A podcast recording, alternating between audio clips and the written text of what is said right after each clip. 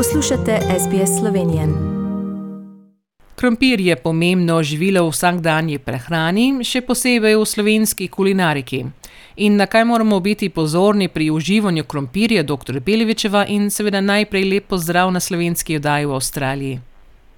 Lepo zdrav tudi vam. No, krompir eh, poznajo številne tradicionalne kuhinje in je seveda sestavina številnih okusnih jedi. Dobro je vedeti, da krompir lahko vsebuje solanin, to je alkaloid, ki je za človeka strupen. Toda brez strahu, solanina ne vsebuje vsak krompir, tako da lahko krompir mirno uživamo. Ali gre za zelo stupeno snov?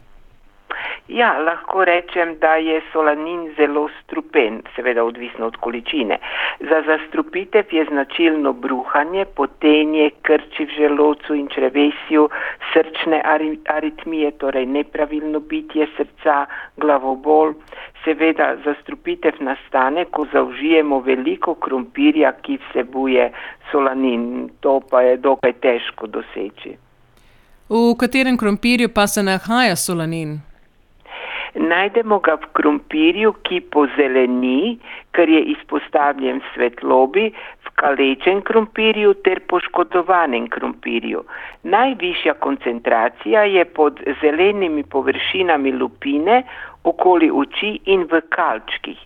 Torej, zelenega, mehkega in sklilega krompirja z dolgimi kalčki ne smemo jesti, ker je solanin že prodrl globoko v notranjost, odstranjevanje kalčkov in rezanje lupine eh, ne bo nič spremenilo.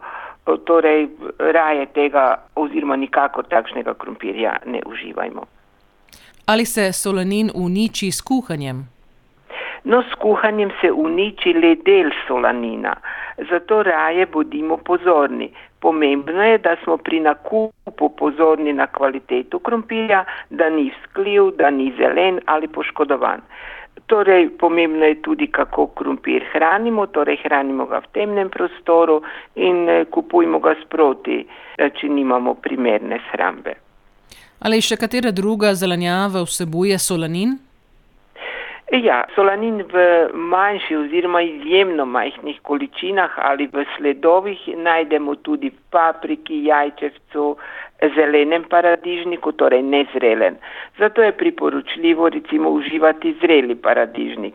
Te količine solanina so majhne, tako da bi morali zaužiti nekaj kilogramov ali celo več kot deset kilogramov omenjene zelenjave, da bi prisoten solanin deloval. To pa seveda ni možno. Torej, uživajmo omenjeno zelenjavo, pri paradižniku pa bodimo pozorni, da je zrel.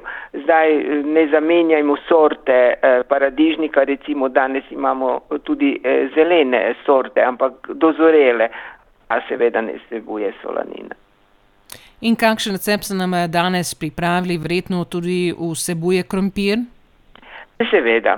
Eh, odločila sem se za, zelo enostavno jed, ki je primerna za ta uh, čas, v katerem se nahajamo. To je narastek s brokoli, krompirjem in mesom. Potrebujemo 60 do 70 dekagramov krompirja, 50 dekagramov brokoli, 30 dekagramov mletega piščančjega ali puranjega mesa, lahko seveda vzamemo tudi drugo meso, dve jajci, tri žlice moke, 4 eh, decilitra jogurta, 8 dekagramov naribanega sira ter žličko sesekljanih svežih zelišč, timijan, origano, rožmarin, peteršilj in pa seveda tri žlice olja.